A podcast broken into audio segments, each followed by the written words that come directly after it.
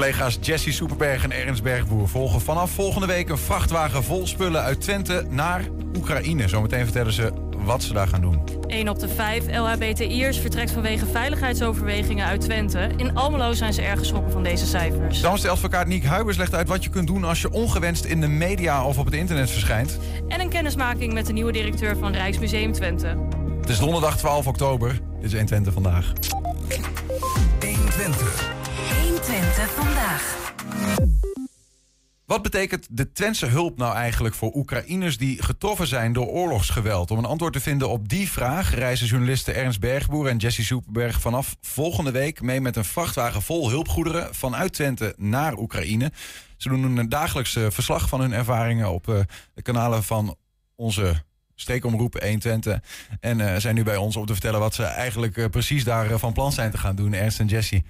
Ja, eh, ik zou bijna zeggen, wat hebben jullie nou toch weer eh, bekokstoofd met elkaar? Ja. Een goede vraag. Nou, je hebt het een beetje voorgelezen. Misschien één kleine correctie. We, drijven, we reizen niet met die vrachtwagen. Dat klinkt alsof we dan in de vrachtwagen zitten. En eh, dat is niet zo. We reizen er achteraan. En we maken een rondrit door Oekraïne eh, langs een aantal plaatsen waar Twentse hulpgoederen terecht zijn gekomen. Om te kijken wat die hebben betekend voor de mensen, of betekenen voor de mensen daar. Ja, dat hebben we bekokstoofd, eh, Niels. Waarom, Jesse? Waarom? Nou, eh, wij vinden het heel belangrijk dat eh, je Twentenaren verzamelen iets in. Maar waar blijft het? En ja, ons trok het heel erg. Ernst, ik moet zeggen, Ernst kwam met dit idee hoor. Eh, Die kwam naar mij toe. En ehm, ja, ik denk dat het heel belangrijk is dat men weet waar, waar, waar blijven die sp- spullen? Wat gaat ermee gebeuren? En ik denk dat het verhaal daarachter heel erg mooi is. Het ontstond bij jou, Ernst, hoor ik. Je bent de schuldige. Ja, dat klopt wel. En eh, dan- zouden we hier de moe flesje wijn bij pakken, denk ik. Want ik vraag mezelf dat soms ook wel eens af. Maar toen die oorlog uitbrak in Oekraïne, had ik eigenlijk meteen zoiets. Ik wil daarheen. En dat heeft iets te maken met het feit dat ik, weet je, de verhalen die ertoe doen of zo. Hè, eh, als, als je. Gaat over vrede, over veiligheid. Je, je wordt geraakt in zoveel hele basale onderdelen van je mens zijn. Als je in een oorlog terechtkomt. Ehm, los ook van alle bullocks waar wij ons vaak druk om maken, hè, hier in het Westen. We- we- en, en op de een of andere manier trekt die rand, zeg maar, van het menselijk bestaan, trekt me. Dus ik had al heel snel gezegd, ja, ik, ik wil, eigenlijk wil ik daarheen en als journalist en gewoon ervaren, zien, vertellen, laten zien wat dat is, wat dat met gewone mensen doet. En dat zijn natuurlijk mensen die daar wonen. Maar ja, weet je, militairen zijn uiteindelijk ook maar gewoon mensen. Eh, dat is ook een raar ding, hè, oorlog. Ja. Maar goed, ja, de- ik zit meteen te denken van... Hè, als je voor de, laat ik zeggen, de NOS werkt... dan is dat misschien wat logischer. Dan Ja. ben je buitenlandverslaggever, oorlogsverslaggever, hoe je het wil zeggen. Ja. Eh, als je voor 1 Twente werkt, ehm, dan, is dat natuurlijk, dan moet je een, een haakje vinden. Is het een beetje zo gegaan? Ja, heel eerlijk gezegd wel. Eh, ik, ik voelde die behoefte gewoon heel sterk. En ik ken dat ook wel van mezelf. Eh, en ik werk bij een lokale omroep. Dus aanvankelijk was ja, weet je, dat is fijn dat ik die behoefte voel. Maar kan daar niet zo heel veel mee. Maar toch bleef dat trekken. En er waren wat triggers. Eh, onder andere een andere, eh, een hoofdredacteur. Met de achternaam van iets met Ten Harkel of zo, geloof ik. Eh, die, die, die stelde me zomaar uit het blauwe hierna eens een vraag. Van joh, als jij naar Oekraïne zou kunnen, zou je dan nu in de auto stappen? Ik zei, ja, dat zou ik meteen doen. Dus dat dacht ik wel. En zo waren er een paar dingen dat ik dacht van, weet je, ik heb geen flauw idee hoe of wat. Uh, maar ik ga eens kijken, stel dat ik zoiets zou willen gaan doen. Dus stel dat er morgen die vraag komt. Dat was een beetje wat ik dacht. Ja. Kan ik dan? Wat heb ik daarvoor nodig? Dus ik ben dat gaan uitzoeken. En nou ja, uiteindelijk heb ik een training gedaan. En uh, Jesse ook, omdat eigenlijk alle mediabedrijven logischerwijs een veiligheidstraining. Ben ik wel benieuwd. Daar gaan we zo meteen nog Ja. verder over praten. Wat er dan precies voor nodig Maar is. zo is begonnen. Ja. Bij Jesse dan komt op een zeker moment komt Ernst Bergboer... en we kennen hem als een collega die wel vaker wilde plannen heeft... eh, komt naar je toe en dit keer was de vraag... ga je mee naar Oekraïne? ja. Eh, dat is op dit moment gewoon een oorlogsgebied. Ja, ja, ja. Ja, ik, ik zei tegen Ernst, ik moet hier wel heel even over nadenken als je het niet heel erg vindt. Kleine correctie. Jij zei gaaf, gaaf. Maar daar ga ik wel eens even over nadenken. Ja, dat is waar, dat is waar. Ja, ik, ik heb ook wel dat in me, dat, die adrenaline, daar ga ik ook wel lekker op. Niet dat ik eh, per se naar oorlog wil, maar ehm, ik, ik vind het wel belangrijk ook wat, wat daar gebeurt. En ik vind de, soms de spanning vind ik ook, ja, dat, ik, ik vind dat als persoon ook gaaf. Ik vind het ook oprecht gaaf. Ik, ja, anders zit ik de hele dag hier te editen en te filmen. Ja, ik kan, als ik deze kans kan pakken, ja, dan pak ik hem. Ja. Jullie gaan met een, eh, met een vrachtwagen eh, mee. Ja, dus niet mee, maar jullie mee. Als in jullie reizen mee. Ja. Ehm, en dat is een vrachtwagen van eh, de stichting Oost-Europa dinkelland. Die doen deze eh, transporten al sinds het begin van die oorlog daar, bijna maandelijks. Eh, wat is dat voor club? Ja, de voorzitter van die club is een man die zijn sporen heeft verdiend in de logistieke sector. Heeft al decennia lang onder andere ook zaken gedaan met Oekraïne. Dus die man die kent daar transportbedrijven, die, de infrastructuur, nou ja, de, de hele mik. En, en ook gewoon mensen. Dus toen die oorlog uitbrak, ehm, dacht hij meteen van... ja, weet je, met mijn kennis en ervaring en contacten... kan ik wellicht iets betekenen. Eh, en die is ehm, inzamelingsacties gaan organiseren. Een stichting opge- opgericht. En, en is met die stichting inzamelingsacties gaan organiseren. Dus gewoon mensen die spullen brengen die, die nodig zijn. Dus hij heeft van zijn contacten gevraagd, wat is er nodig? En nou ja, eh, mensen komen dat brengen. En als hij een container vol heeft, een vrachtwagen vol heeft... dan, eh, dan zorgt hij dat er een vrachtwagen die kant uit gaat. en hoe weet hij dan wie, wie dat nodig hebben? in- hoe, hoe, in Ja, dat, Oekraïne? dat vraagt hij aan zijn contacten in Oekraïne. Oké, Eh, daar heeft hij ook weer een netwerk. ja, dat is zijn oude netwerk natuurlijk. Ja. Ja. Ehm, in maart eh, gingen zij ook. Ehm, en de collega's van Twente FM in Noordoost-Twente... die waren bij het inpakken en het wegrijden van de wagen toen.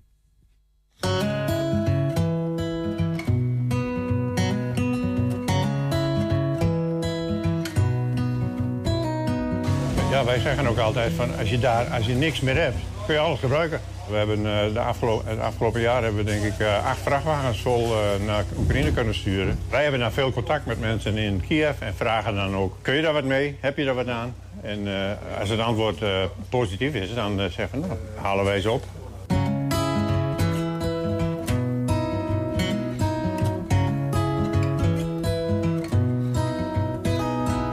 We kijken naar de eerste levensbehoeften. Voornamelijk bedden en matrassen.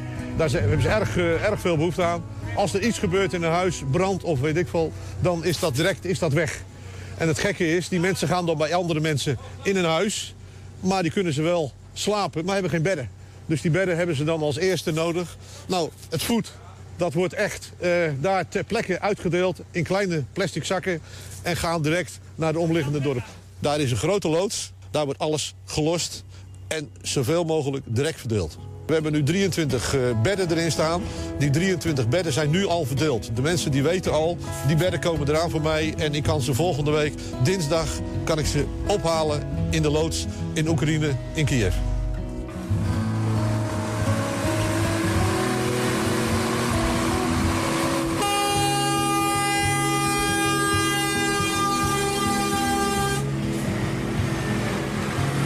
Ja, dit was dus ehm, afgelopen maart. Maar aankomende woensdag zal ongeveer hetzelfde voltrekken. Daar in Denenkamp, van waaruit ze vertrekken. Eh, en ergens in die dagen gaan jullie dus ook met een autootje die kant op. Dat is het idee, Jessie, toch? Ja, dat is zeker het idee. We gaan waarschijnlijk die donderdag na de dag daarna gaan wij er met een auto achterna. En dat is, we gaan niet gelijk, omdat eh, wij zijn sneller. De vrachtwagen doet iets langer over, dus vandaar dat wij een dag later gaan. En En dan- moet, moet die ook nog bij een douane of zo dan misschien eh, staan? Dat soort dingen. Ja, Ja. Ja, nee, zeker. Eh, sterker nog, de, de, de- het wisselt nogal. eh, maar de wachttijden aan de grens met Oekraïne, in Polen... in ieder geval kunnen gigantisch lang zijn. Eh, dat, soms zelfs dagen. Ehm, eh, dus we zijn op dit moment nog een beetje aan het plannen... en kijken hoe we dat precies... want we gaan niet dagen aan de grens staan natuurlijk. Dat is niet zo heel spannend. Dus Ja, we want dat is wel een beetje de vraag uiteindelijk. Jullie gaan eh, op reis eh, een verslag doen eh, daarvan. Hè, eh, via onze kanalen van, van 120. eh onder meer. Wa- wat gaan jullie eigenlijk precies doen? Wat, hoe gaan jullie die verhalen naar buiten brengen? Nou ja, we gaan elke dag eigenlijk vloggen. Dus dat ga ik op een bepaald moment op de dag ga ik dat in elkaar zetten. Stuur ik naar jullie en dat zenden we eigenlijk uit of zetten we weg op YouTube. Eh, zo kunnen jullie ons volgen. We gaan dus ook eh nou, dieptere interviews houden. Dus met een kunstenares in Oekraïne. eh, de, de bedden die je zag of de, de baden, revalidatiebad. Dat gaan we ook bezoeken. Die interviews nemen we ook op, maar die gaan we niet ter plekke editen. Die gaan we terug in Nederland. Gaan we daar een hele mooie serie reeks van maken. En dan komt dat uit. Ja, maar er komt dus eh, vanaf volgende week donderdag dagelijks een soort eh, nou ja, mini-programmaatje iedere dag. Een vlog, een reisverslag. Ja, heel, Ja. Erg, heel erg onze eigen persoonlijke beleving. Ja, hoe, wij het ervaren. Ja. En eh, je, je moet je voorstellen, die vrachtwagen rijdt naar een, eh, een, een, een depot een- net iets ten noorden van Kiev. En vanuit daar wordt het door Oekraïners met busjes eh, gebracht daar waar het nodig is, dieper het land in. Ehm, wij gaan dus wat dieper het land in ook om te kijken. Nou ja, waar die spullen. Je refereerde al aan een revalidatiebad. Dat werd in die vrachtwagen die je net in het filmpje zat. Dus een soort hooglaag therapeutisch bad. Ehm, ziekenhuis opgeblazen, bad kapot. Mensen met reuma of weet je, dat soort klachten hebben veel baat bij zo'n bad. En ze konden zo'n bad krijgen. Is die kant uitgegaan. Nou, we gaan gewoon kijken hoe dat bad er nu bij staat, zou ik zeggen. En, eh, en wat dat betekent voor, voor mensen daar die weer een bad hebben. Wordt het ook nog op enig moment, eh, ja dat weet je misschien niet van tevoren, maar gevaarlijk? Want ik bedoel, ik neem aan dat zo'n vrachtwagen ook gewoon eh, rijdt op plekken waar ze denken, nou hier, eh, hier kunnen we veilig rijden. Of, of is dat onvoorspelbaar? Nou, tijdens de training zeiden ze twee dingen. Dat is stroomuitval oh ja, of een bomaanslag. Dat zijn de gevaarlijkste dingen die kunnen gebeuren. Raketinslag. Ja. Het is een, kijk, weet je, het is een land in, in oorlog, dat Ja. klopt. Maar eh, de, de hele grote delen van het land, sterker nog het overgrote deel van het land, is relatief rustig. Het grootste risico dat je loopt, ja, stroomuitval is natuurlijk, een nou ja, dit is geen levensbedreigend risico, maar is lastig. Ehm, en ja, ja, er vliegen raketten en drones rond.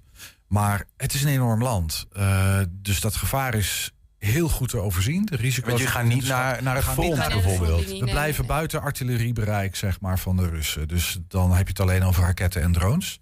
Eh, en we stemmen dat ook wel af voor met de veiligheidscoördinator van de NOS. Eh, die bellen we elke dag even, om, of, of appen of wat dan ook. Om te zeggen, we zitten nu hier en morgen willen we daarheen. Eh, geef eens advies. En als hij zegt, jongens, eh licht op, op, op rood.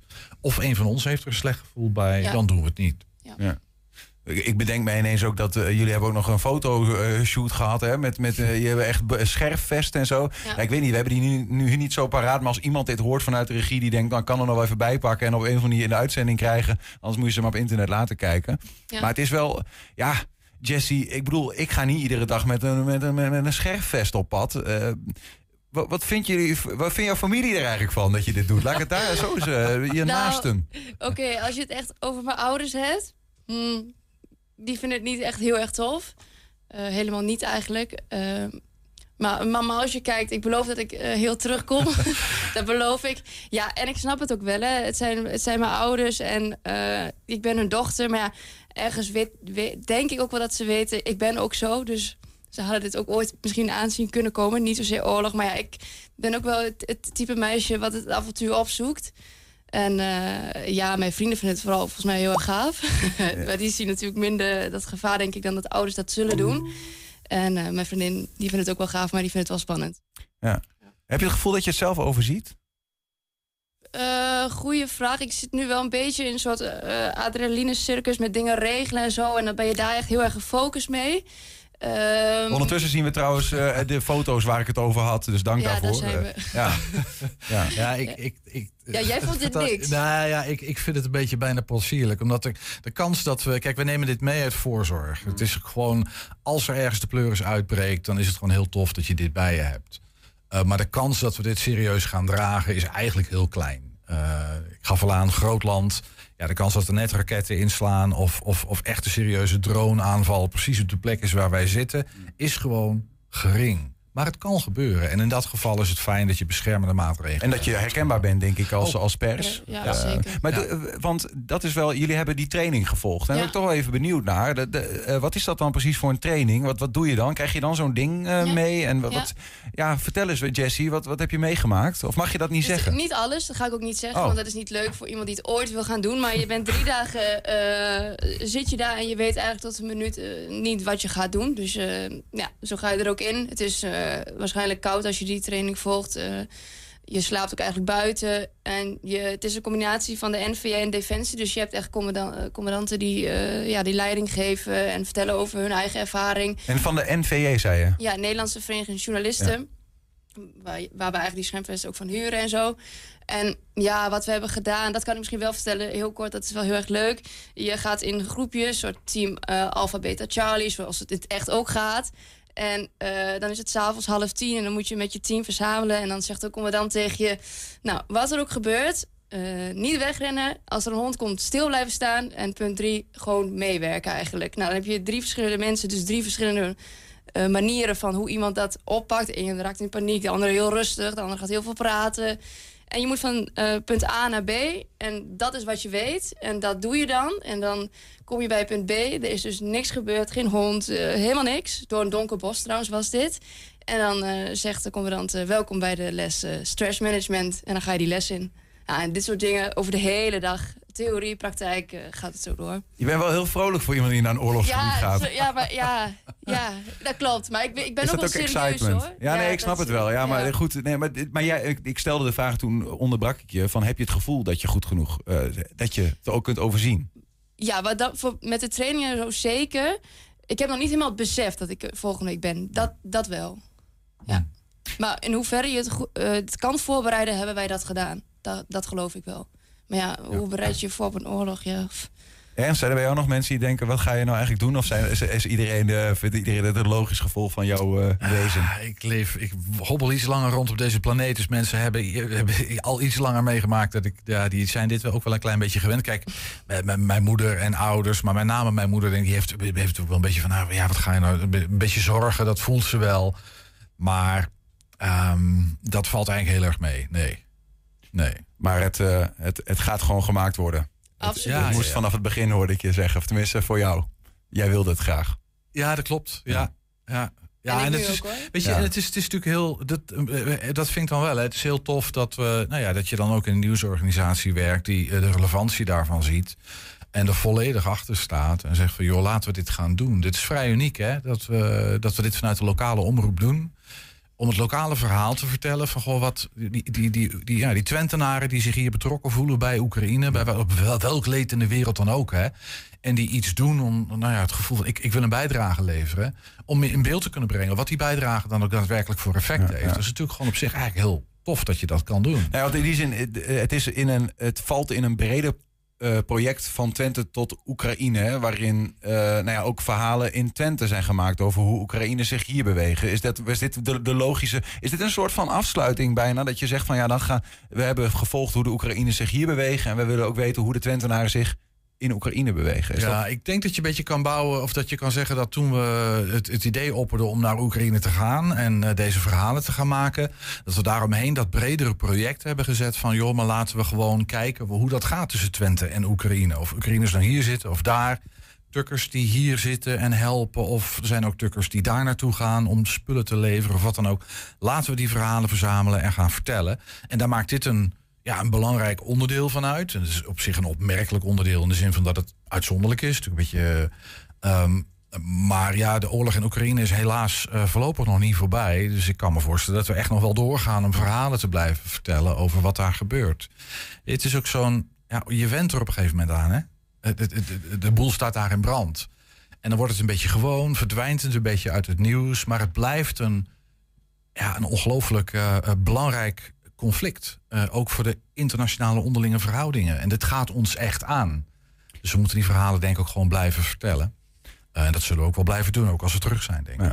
In ieder geval gaan jullie dat ehm, vanaf volgende week eh, donderdag doen. Met jullie reis. De serie, zo heet die dan, van Twente tot Oekraïne, de reis, is vanaf volgende week donderdag elke dag te volgen via 120.nl. Ernst en Jesse, dank jullie wel. Eh, en mo- mo- moet ik dan zeggen, veel plezier of eh, sterkte? Of Dat weet ik niet zo goede goed. Nou Succes. alle- allebei niet helemaal passend, maar succes. Ja. Ja, een goede reis. We Ja. op Gewoon goede reis. Goeie reis. Ja. Ja. Goeie reis. Zometeen, 1 op de 5 LHBTI'ers vertrekt vanwege veiligheidsoverwegingen uit Twente. In Almelo zijn ze erg geschrokken van deze cijfers.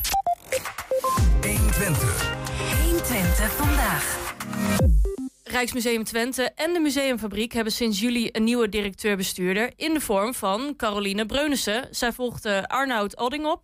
En om de nieuwe voorvrouw van de Twentse Musea beter te leren kennen, ging collega Ernst Bergboer, nou als je het over de duivel hebt, met haar in gesprek. Caroline Brunesse, hoi. Ja, hallo. Ik zit in jouw museum. We zitten in de Amandozaal, hoorde ik net. De schoonheid van het kwaad. Een kennismakingsgesprek. Ja, leuk. Maar dan gaan we wel even de diepte in. Vind ik leuk. Oké, dat is goed. Ja. De Twentse Musea. Dat zijn het Rijksmuseum Twente en de Museumfabriek. Beide staan in Enschede op iets meer dan een steenworp afstand van elkaar en werken sinds een jaar of wat samen. Ze beelden de kunst, klassiek en modern, en natuur, cultuur en textielhistorie onder één directie. Een echte fusie mag het officieel niet heten, maar het lijkt er verdacht veel op.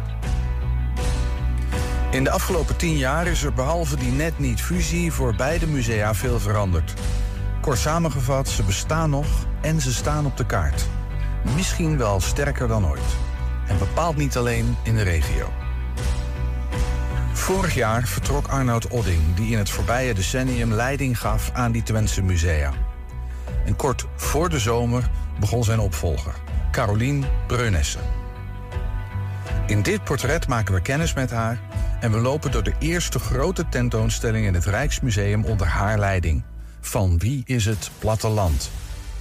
Een gesprek over Van Gogh, Jan Steen, Lonneke Jan en koeienbloed. Jij hebt een behoorlijke geschiedenis hè, in eh, de museale wereld. Ja, ja, klopt. Ik heb al Hoe eigenlijk... oud eh, was je toen je binnenkwam in die wereld? Ehm, nou, 27 of zo. Of, Oh, ja. eh, ja, valt, valt nog wel mee. Nee, Ja, niet diep. Maar na je studie eigenlijk. Ja, na mijn studies. Ik, ik heb eh, de, Rijnwaard Academie gedaan. Dat is een museumopleiding. Toen heb ik nog kunstgeschiedenis gedaan. Toen heb ik een korte tijd in allerlei verschillende musea gewerkt. eh, in de kunsthal en eh bij Boymans en van alles en nog wat. En toen ben ik bij het Van Gogh Museum terechtgekomen. Amsterdam. Ja, in Amsterdam. En, eh, nou ja, dus ik ben eigenlijk kunsthistoricus. Begonnen in het Van Gogh Museum met het idee van... ja, ik wil in de kunst gaan werken. En eh, nou goed, toen... eh, En kunst heb- dat heb in- ik ook gedaan, maar eh, in de kunstwereld en in de beeldende kunst. Maar als in musea? Of had het ook een? Musea, nee, nee, nee, moest wel musea zijn. Ja, ja. ja. dat, daar, want daar begon ik eigenlijk. De Rijnwaard Academie is een opleiding waar je wordt opgeleid tot museummedewerker. En ik had al wel snel door, al in het eerste jaar, van ja, dat is helemaal, dat is het voor mij. Dat is mijn wereld. Is dat een van huis uit dingetje? Of eh, is, is dat een belangstelling die zich gaandeweg heeft? Nou, het is wel zo dat mijn vader bracht me op het idee. Dus wat dat betreft eh, wel van huis uit. Nou, wij gingen als kind altijd met onze ouders veel mee naar musea. eh, En dan naar kerken. Kunstmusea. Kunstmusea, Maar ik ging ook naar musea, maar dat was altijd eh, maar dat, eh, cultuurhistorie. Oh ja, nee, wij Het deden ook wel van alles hoor. Dus ook eh, het Openluchtmuseum of Zuiderzeemuseum. Maar ook, eh, wij woonden dan eh, vlakbij Leiden. Dus wij gingen heel veel naar Den Haag, naar het gemeentemuseum, nu kunstmuseum. En eh, daar heb ik ook mijn vroegste herinneringen eigenlijk aan. Dus, eh, dus het was op zich voor ons als gezin was het niet raar dat ik iets in een museum zou gaan doen. Maar goed, eh, je moet natuurlijk toch nog even uitproberen. Dus in het eerste jaar kwam ik daar terecht. En toen dacht ik wel gelijk, ja, dit is prima. Dit is een goede keus. Dit, Ja. En dat ja. is gebleven? Ja, dat is nog steeds. De liefde is niet, ja precies. Ja, Ja, ja ik zie dat ook een beetje aan je. Ja, ik word er enthousiast van. Ja. Maar kan je dat duiden? Wat is dat? Wat is die liefde voor musea en voor beeldende kunst zou het dan weer over? yeah. Nou ja, want hier ben ik natuurlijk directeur van Rijksmuseum Twente, maar ook van de museumfabriek. Ja. Dus eh, het is niet alleen maar meer beeldende En kunst. hè? Naturaal is dus ook geen uh, Daarom, daarom. Nee, nee. Dus eh, nou, ik, ik voel me erg thuis in een museum. Ik vind het echt eh, mooie plekken waar eh, je met eh, collectie verhalen kan vertellen en waar je een breed publiek kan bereiken, waar je mensen kan verrassen, eh, waar je mensen wat kan leren, een, een goede tijd kan bieden, waar je mensen misschien ook soms ja, aan het denken kan zetten. En ik zie het ook wel als plek waar mensen eh, een uitje door kunnen hebben, dat ze met elkaar eh, iets leuks doen en dan in een museum ja, naar kunst kijken of naar dino kan ook. En met elkaar gewoon ook een leuke tijd hebben. Dat vind ik heel prettig eigenlijk om zoiets te maken. eh, waar je eh, een ander plezier en informatie mee kan geven. En, eh, spelende en lerende mens, dat idee een beetje Ja, verzameld, precies. dat vind je in een museum. je hebt echt alle middelen. Dus kijk, je kan een boek gaan schrijven als je creatief bent. Of je kan een film gaan maken. Of nou, wat jij doet. maar in een museum komt dat eigenlijk allemaal samen. Hè. We hebben hier schilderijen, maar we hebben ook tekeningen. We hebben multimediale installaties. we hebben rondleidingen. Dus eigenlijk elk middel wat je kan bedenken, dat kan je in een museum kwijt. Dus eh, ik heb ook heel veel tentoonstellingen gemaakt. En daarin kan je ook echt alles kwijt. Van tekstbordjes tot ja, tot eh, objecten, eh, van alles. Audio. Ja, ja.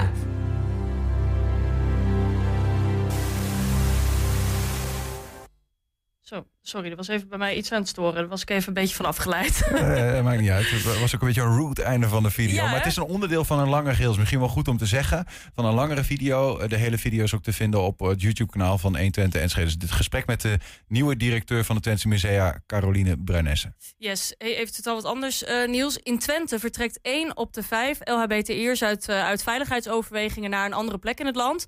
En ook in Almelo zijn ze zich deze week eh, ja, rotgeschrokken van deze hoge cijfers. En wat kunnen we er nou eraan doen om het tijd te keren? En is dat tijd nog wel te keren? Ik ga erover in gesprek met Naomi Bijen van welzijnsorganisatie Avedan. Die zien wij uh, hier achter mij op, uh, op Zoom. Kijk, er wordt gezwaaid. Er wordt gezwaaid. Hallo. En uh, hier in de studio Benjamin Spenkeling, vrijwilliger in Almelo bij Gender Sexuality Alliance. GSA, zeiden wij net al. Gewoon lekker op zijn Hollands uitspreken. Um, Benjamin, voordat we het over deze cijfers gaan hebben. Voor mij is GSA eigenlijk onbekend. Dus kan je mij uitleggen wat het is? Uh, jazeker kan ik dat. Je hebt uh, de term net zelf al genoemd. Het is eigenlijk een afkorting. Staat voor Gender Sexuality Alliance. Uh, het is bedoeld als een organisatie voor uh, LHBTI, jongeren en zowel volwassenen. Ik ben er zelf betrokken bij geraakt op het ROC van Twente, bij het zogeheten Regenboogcafé. Dat was een maandelijkse ontmoeting voor LHBTI-leerlingen en jongeren. Ja. En um, het belangrijkste is eigenlijk dat wij staan voor de, dat een ieder qua genderidentiteit of seksualiteit gewoon zoveel mogelijk zichzelf kan mag uh, en zelfs eigenlijk zou moeten kunnen zijn. Precies. En wat, wat, wat doe jij dan precies binnen GSA? Uh, binnen de GSA ben ik specifiek betrokken bij het organiseren van uh, het Regenboogcafé op het ROC van Twente, Gieterij Hengelo. En als er andere activiteiten zijn, bijvoorbeeld binnenkort komt Paarse Vrijdag er weer aan, ben ik bij betrokken. Um, ja, han- en spandiensten, Maar nou voornamelijk in, in, uh, bij, de, bij de ROC in, in Hengelo of, of ook in Almelo nog? Um, voor mij tot nu toe, specifiek uh, in Hengelo. Ja. En dat is ook omdat ik in zoverre pas vrij kort echt betrokken ben bij de daadwerkelijke organisatie. Dat is nu pas sinds twee weken. Daarvoor deed ik heel veel kleine dingetjes op de achtergrond zonder dat het echt een naampje had. Maar sinds twee weken is het uh, officieel. Oké. Maar goed, maar liefst 20% uh, van de LHBTI'ers die vertrekt uit Twente. Hoe, hoe kan dat? Zou je je eigenlijk uh, afvragen, toch? Uh, ja. En ik vermoed dat het antwoord eigenlijk gewoon heel makkelijk is. Hè? Um, het is ook al gezegd, ze voelen zich niet veilig. Hoe kan ze, dat? Ze wonen in een omgeving waarin zij niet zichzelf kunnen zijn. Uh, hoe iemand um, zijn gender ervaart, uh, of iemand op mannen of vrouwen valt, alles daartussenin of daarbuiten, ligt heel erg aan de kern van, van wie iemand is. En op het moment dat daar al aangetast wordt door, door, uh, door vormen van pesterijen, uh, discriminatie of wat dan ook, mm. dan tast dat eigenlijk het diepste wezen van een persoon aan. Ja. Naomi, ik zie jou ondertussen op Zoom uh, heel, heel hard meeknikken. Jij, jij bent het helemaal Ja, met ja. Benjamin eens, begrijp ik? Ja, nee, ik, eh, ik denk dat Benjamin dat heel mooi uitlegt. Eh, en dat is ook echt wat de, wat de praktijk uitwijst, denk ik. Ik heb te maken, als jongerenwerker te maken met, met, met jongeren. Eh, specifiek ook veel jongeren uit deze doelgroep die dit ook aangeven. Dus ehm, eh, mijn jongeren zijn misschien nog net iets te jong om echt daadwerkelijk weg te verhuizen. Maar die onveiligheid waar Benjamin het over heeft, is ehm, helaas wel echt aan de orde, ja. Want wat voor gesprekken heb jij dan met die jongeren? Dat zij ook aangeven van, ja, uh, weet je, allemaal leuk en aardig in, in Almelo, maar ik, ik vertrek liever. Nou ja, eh, ik heb vooral te maken met jongeren tussen de, tussen de 10 en de 30. Uh, en veel met jongeren tot 18 jaar. En dat, er vinden veel pesterijen plaats op school. maar ook thuis is het niet altijd even veilig. Dus jongeren die dapper genoeg zijn geweest om uit de kast te komen bij hun ouders. die, die weten dat ze niet veilig thuis kunnen zijn, zeg maar. Ouders die opmerkingen maken. Soms echt recht in hun gezicht van ik, ik accepteer je niet zoals je bent. Maar soms ook, ik, had er, ik heb er een die zegt, mijn moeder zegt wel eens, um, ja, je, je bent, je bent uh, gegrepen door Satan. dat soort dingen die dan, die dan tussen neus en lippen worden gezegd, door worden gezegd. Het, het raakt mij persoonlijk heel erg. maar deze jongeren hebben daar echt, echt heel veel last van. Ja. Ja. En, en moet ik me voorstellen, jij bent er dan eigenlijk voor ze uh, als, een, als een luisterend oor? Of help je ze nog eigenlijk nog weer veel verder dan dat? Uh, nou ja, ik begeleid een jongere peergroep. Dus jongeren die zelf uh, toebehoren tot de LHBTI-gemeenschap. Die echt mooie dingen organiseren voor andere jongeren. Niet specifiek alleen maar uit de LHBTI-gemeenschap, maar wel... Dat, er zit zeker wel zo'n tintje aan. Mm. Um, dus ik, ik begeleid en faciliteer in Studio 15... met mijn hele team hun, hun projecten, zeg maar. Uh, dus er gebeuren ook heel veel mooie dingen. Dat wil ik ook wel echt gezegd hebben. Ehm, eh, dus dit- zo kom je in- vanzelf in contact met die gemeenschap. En het is een doelgroep die, eh, die ik zelf heel erg om mij heen heb. Dus ook een doelgroep eh, die ik veel bereik. En dit soort gesprekken eh, heb ik elke keer. Elke week, soms zelfs elke dag.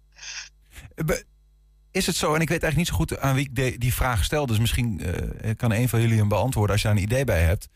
Als jongeren uit Twente vertrekken, vertrekken ze dan omdat het elders veiliger is? Of omdat ze vertrekken uit de omgeving waar ze, ehm, nou ja, geaccepteerd worden. waar ze niet geaccepteerd worden en, en hun hel maar ergens anders zoeken, maar het misschien in een andere plek net zo onveilig eh, is? Zal ik deze aan jou overlaten? Want daar had je het gisteren nog Oh. eh, mooi over toen. Ja, nou ja, eh, ik kom zelf uit de Radstad. Ik, ben- ik doe hem andersom. Ik eh, verhuis naar, eh, naar eh, de- deze regio. Welkom. Eh, hi, dank je. Ehm, maar eh, eh, ik denk dat het algemeen in heel Nederland eh, wel een ding is dat alles polariseert. Eh, dus eh, de verharding is er. Eh, niet alleen maar in Twente, denk ik. Eh, maar ik denk wel dat er in, eh, in de Randstad meer communitygevoel is. En eh, een van de belangrijkste dingen die gezegd worden door queer personen is toch wel dat je je eigen familie kan maken. En als je, als je weet dat daar meer mensen zijn, dan ga je er vanzelf naar op zoek. Dus ik denk dat dat gewoon een hele belangrijke reden is dat mensen verhuizen. Maar ook die tweede reden die je noemt. Eh, ik denk ook dat het zo is dat, eh, dat ze ook gewoon weg willen verhuizen van de problemen die er thuis zijn, in hun omgeving zijn. Ja. Dus het is twee Even een, een nieuwe start eh, maken. Maar die- Juist, dat juist. co- communitygevoel, eh, Benjamin, toen was je aan het eh, meeknikken van dat is gewoon heel belangrijk. Absoluut. Eh, de zogeheten de derde plek verdwijnt steeds meer. En naast familie en eh, schoolwerk eh, heb je het concept van de derde plek... waar gewoon mensen naartoe kunnen om gewoon gezellig te kunnen doen. En waar ik het dus gisteren inderdaad ook met Naomi en een collega van jullie eh, al over had... is het gaat ook heel erg om de zichtbaarheid van de community. En in Twente is die heel erg laag. Valt in En- Twente dus nog wel wat aan te winnen, zeg maar. Absoluut, ja. En juist inderdaad, als je het gaat hebben over inderdaad in, in de Randstad... is de zichtbaarheid van hè, de LHBTI-community veel groter. Waardoor het voor mensen ook veel makkelijker is om zich erbij aan te sluiten. Maar ook nog eens dat ze veel meer het idee hebben dat ze niet alleen zijn. En wat bedoel je dan met zichtbaarheid? Is dat dan, eh, misschien is het een heel krom voorbeeld hoor, maar eh, met zichtbaarheid dat daar bewijzen van meer vlaggen, regenboogvlaggen hangen, of dat daar meer geflyerd wordt van hé, hey, eh, wij hebben een community, voel je bij ons welkom. Bijvoorbeeld zo'n regenboogcafé waar jij het over had. Dat is daar dus, als ik jou goed begrijp, veel meer dan hier in Twente.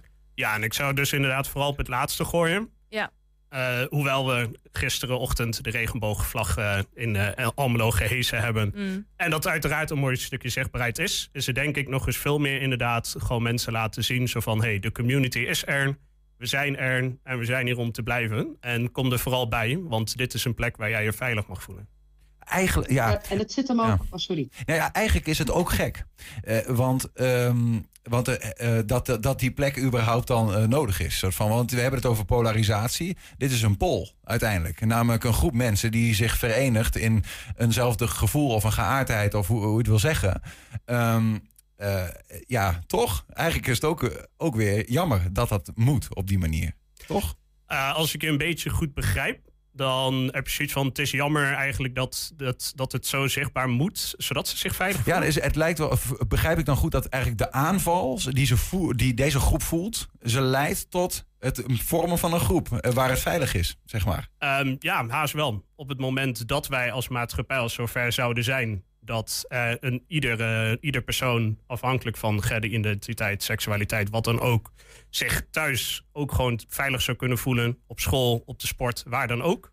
Ja, dan zou dit haast niet nodig zijn. Nee. Na- Naomi, je, je wilde nog iets aanvullen net.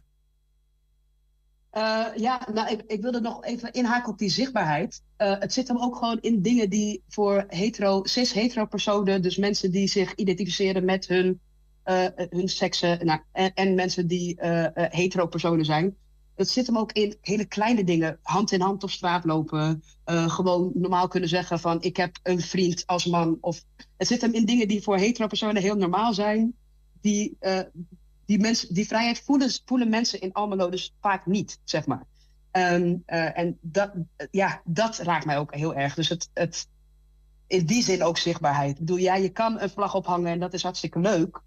Maar ook gewoon kunnen zijn. En dat is wat Benjamin ook al zei, dat, dat, het, het, het binnenste gewoon kunnen zijn wie je bent, is voor jou en, en mij misschien heel normaal.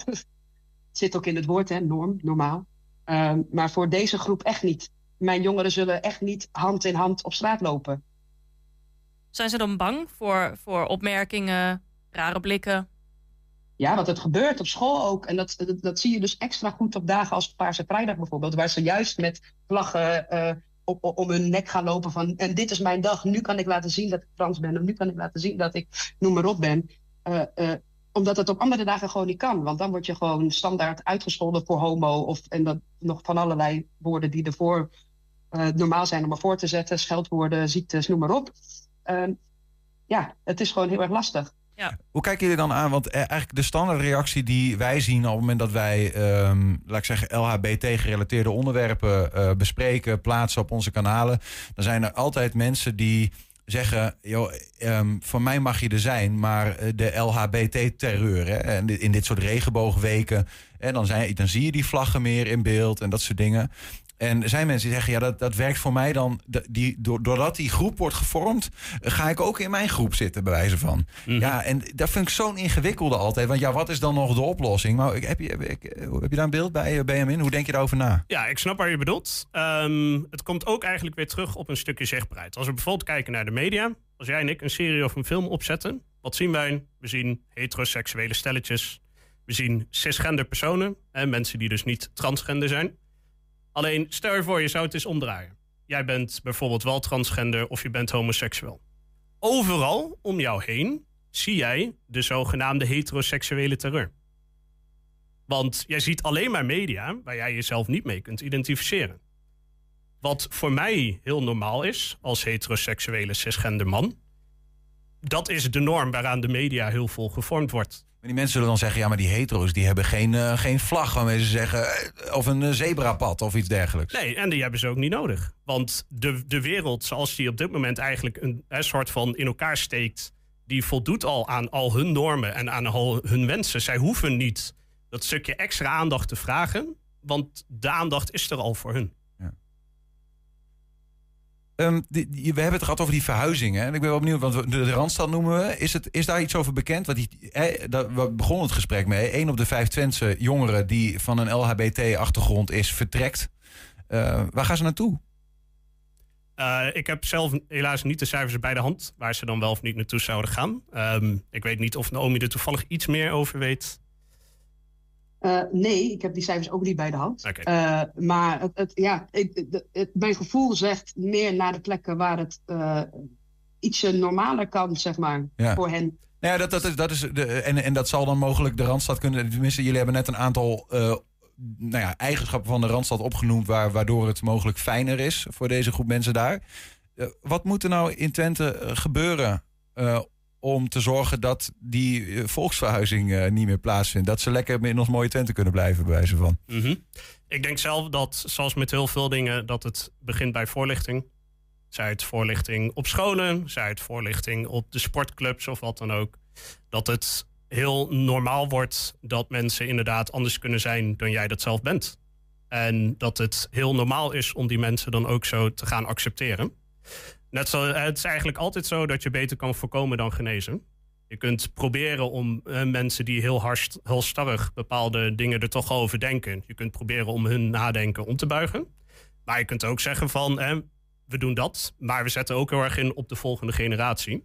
En we gaan ervoor zorgen dat het voor hen heel normaal is om anderen te kunnen accepteren zoals zij zijn. Juist wanneer ze anders zijn dan dat ik dat zelf ben. Deze week is het Coming Out Week, uh, Benjamin. Uh, je zei het net al, de, de regenboogvlag is, uh, is gehezen in, in Almelo. Is dat het enige wat, wat er nu in Almelo gebeurt? Of zijn er nog verder ja, activiteiten, zou ik willen zeggen? Ja. Um, in Almelo zelf durf ik er niet zo heel goed te zeggen, omdat ik echt daadwerkelijk ja, ja. wat meer bij Enschede betrokken ben. En um, de meeste van die activiteiten die hebben juist al plaatsgevonden. Mm -hmm. Dat was eigenlijk heel erg in aanloop naar Coming Out Day toe, wat dan officieel gisteren was.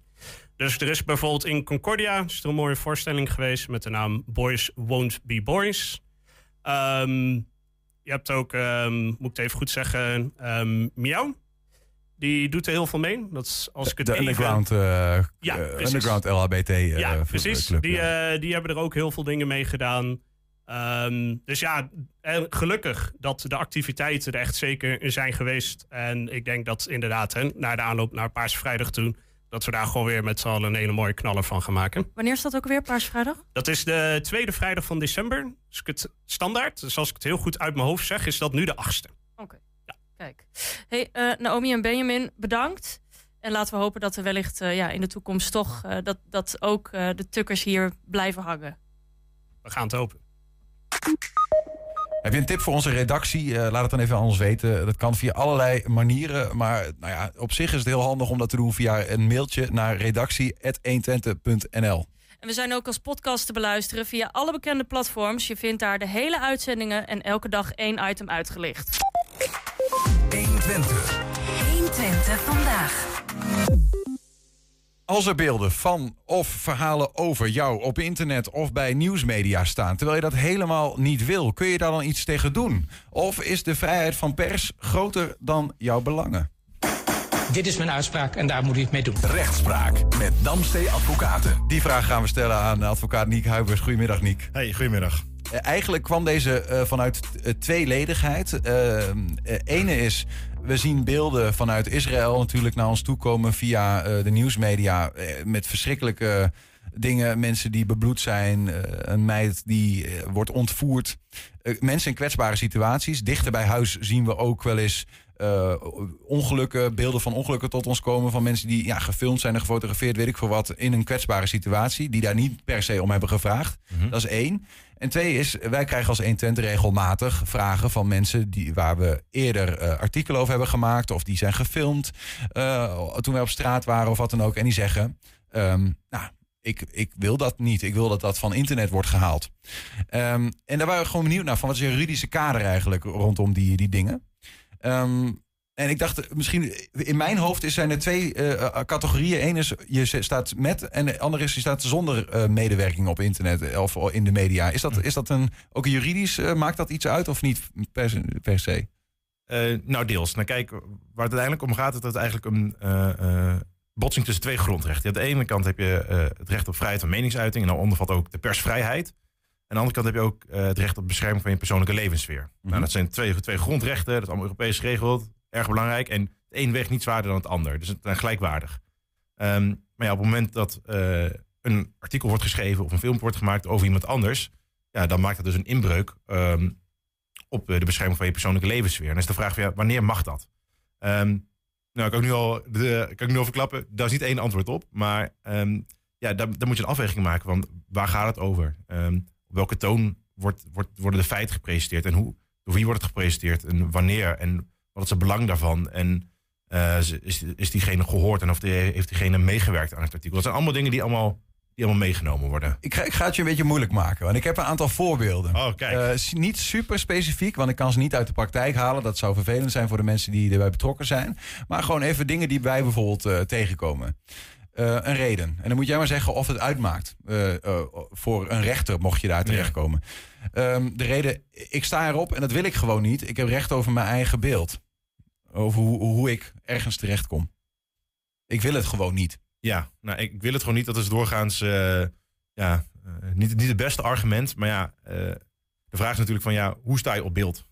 en waarom is dat beeld gemaakt? Nou kijk, als, je, als iemand gewoon een willekeurig iemand op straat loopt... en je rent er met de camera achteraan en iemand zegt, nou ik wil het niet. ik wil graag gewoon verder met mijn dag. Maar je blijft doorgaan en de camera wordt op je neus geduwd. Ja, dan kun je je inderdaad voorstellen dat zo'n rechter oordeelt van... nou, dit is niet helemaal de bedoeling. Diegene de, die heeft hij niet om gevraagd. Dus gewoon enkele reden om hem uh, zo met last te vallen. Dan is het niet de bedoeling. Dus dan in zo'n geval zeggen, ik wil het niet. Ja, kan, daar kan ik wel, kan ik wel aan meegaan. Ja, de nuance blijft erin hoor ik wel. Ja, ik, er nog één. Ik kom er niet zo vlijend uit. Ik vind het geen, uh, ja, die foto die jullie bij dat artikel hebben geplaatst. Mm, of die video. Ah. Uh, kan meespelen.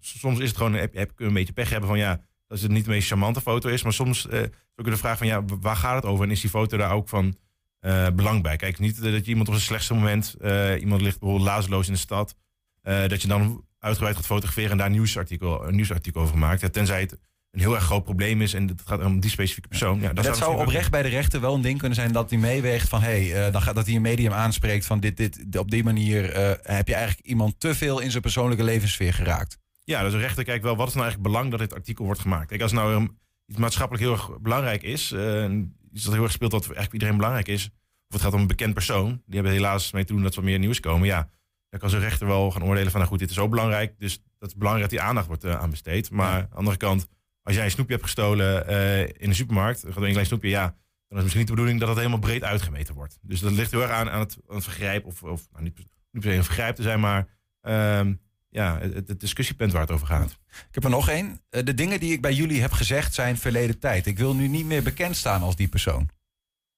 Ja, uh, dat, dat is lastig. Kijk, op, uh, um, ligt een beetje aan, aan, de kern of wat voor uitspraken die heeft gedaan. Um, soms is ja, nieuws veranderd natuurlijk. Wat, wat, wat, wat gisteren nieuws was op een gegeven tijdje is dat later niet meer relevant. Maar ja, dat was destijds wel nieuws. En als dat gewoon op een rechtmatige manier gebeurd is en um, daar zijn nog voldoende nuances bij aangebracht, ja, dan, uh, uh, ja, dan zou dat moeten kunnen. Ja, dus die, die, dat argument gaat eigenlijk niet zo, uh, niet zo ja, sterk het, zijn. Het, het, het, kan in sommige gevallen natuurlijk wel meespelen. Als iemand daar gewoon in zijn huidige situatie heel erg veel last van heeft, van betreffende artikelen, ja, dan kan het misschien wel weer meespelen. Ja. Maar dat zegt heel specifiek weer, ja, waar gaat het over? Maar ehm, dus nou ja, daar, goed, dus, er kunnen wel uitzonderingen op. Dit zijn natuurlijk wel dingen die in de wereld van het internet um, meer gebeuren dan uh, vroeger. Hè, toen er kranten waren en die werden wel gearchiveerd, maar waren minder goed um, doorzoekbaar dan Mhm. nu, denk ik. Het is veel makkelijker. De algoritmes van uh, de grotere zoekmachines, die, uh, nou ja, die schuiven mensen al gauw naar boven als er uh, door een groot medium over je is gepraat.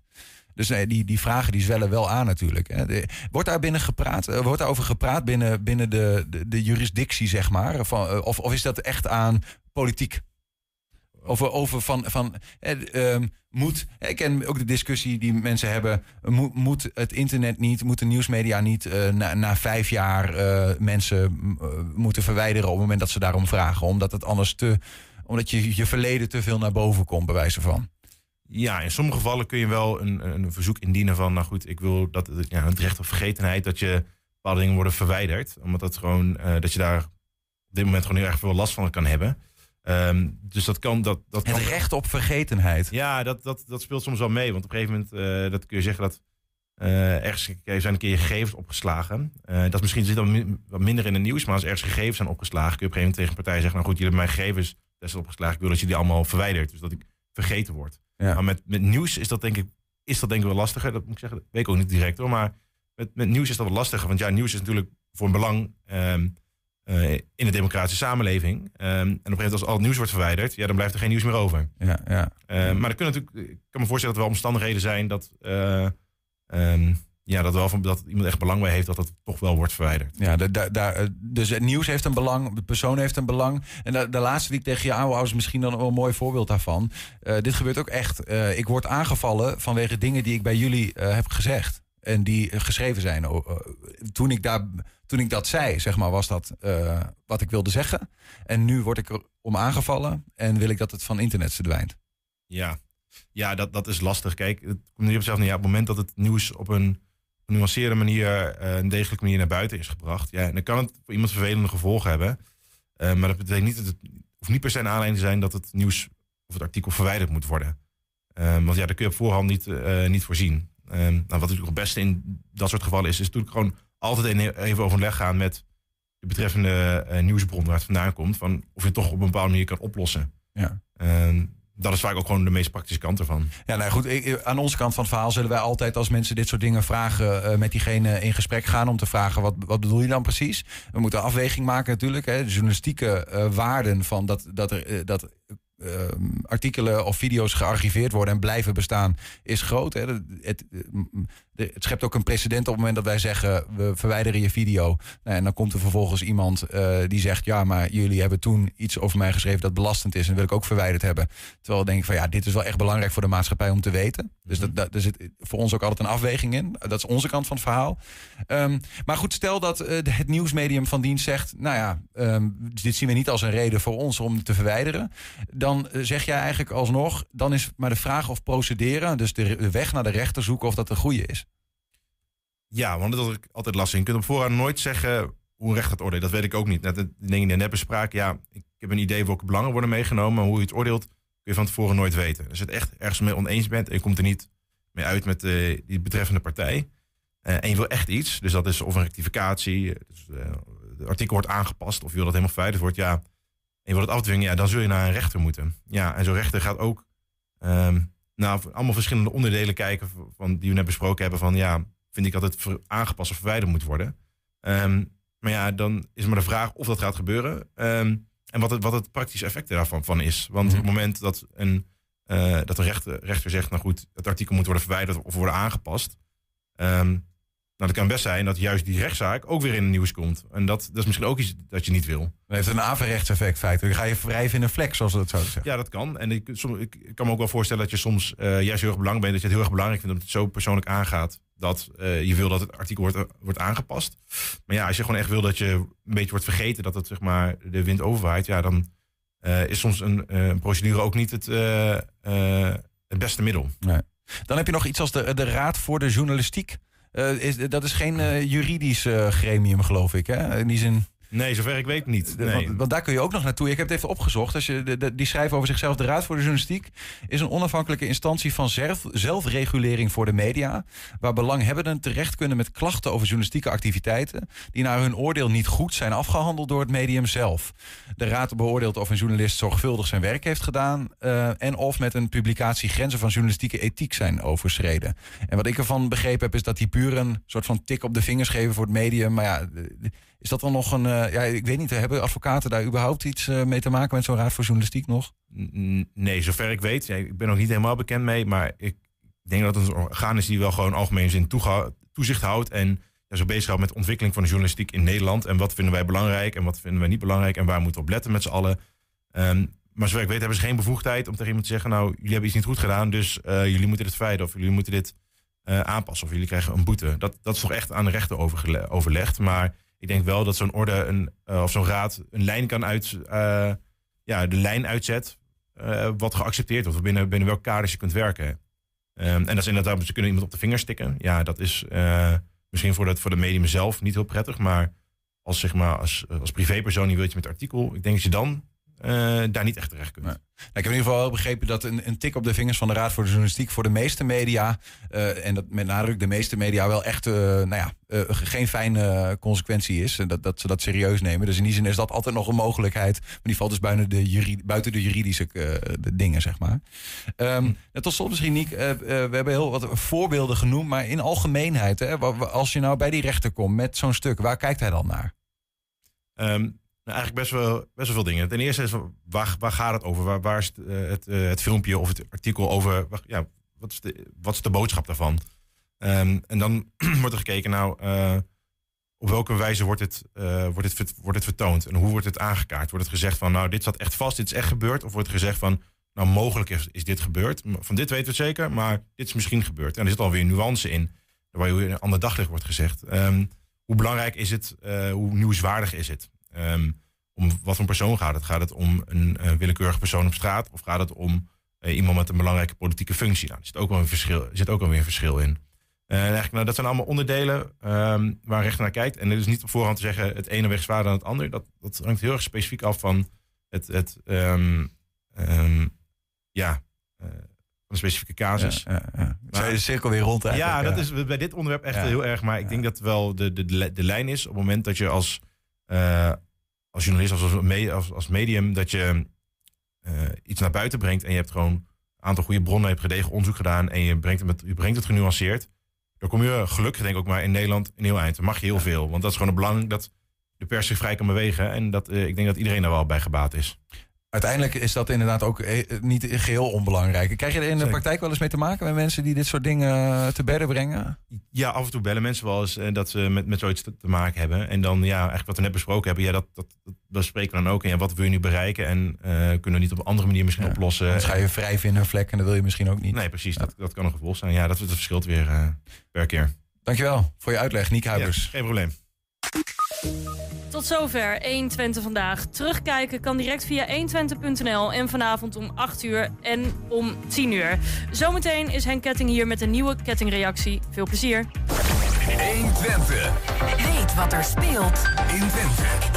Met nu het nieuws van 4 uur. Goedemiddag, ik ben Robert-Jan Knook. Piet S. moet 17 jaar de cel in voor onder meer drugshandel en witwassen... in de megazaak die bekend staat onder de naam Taxus. S., die een decennia lange reputatie heeft in de onderwereld... heeft volgens de rechtbank een belangrijke rol gehad in het ontvangen en versturen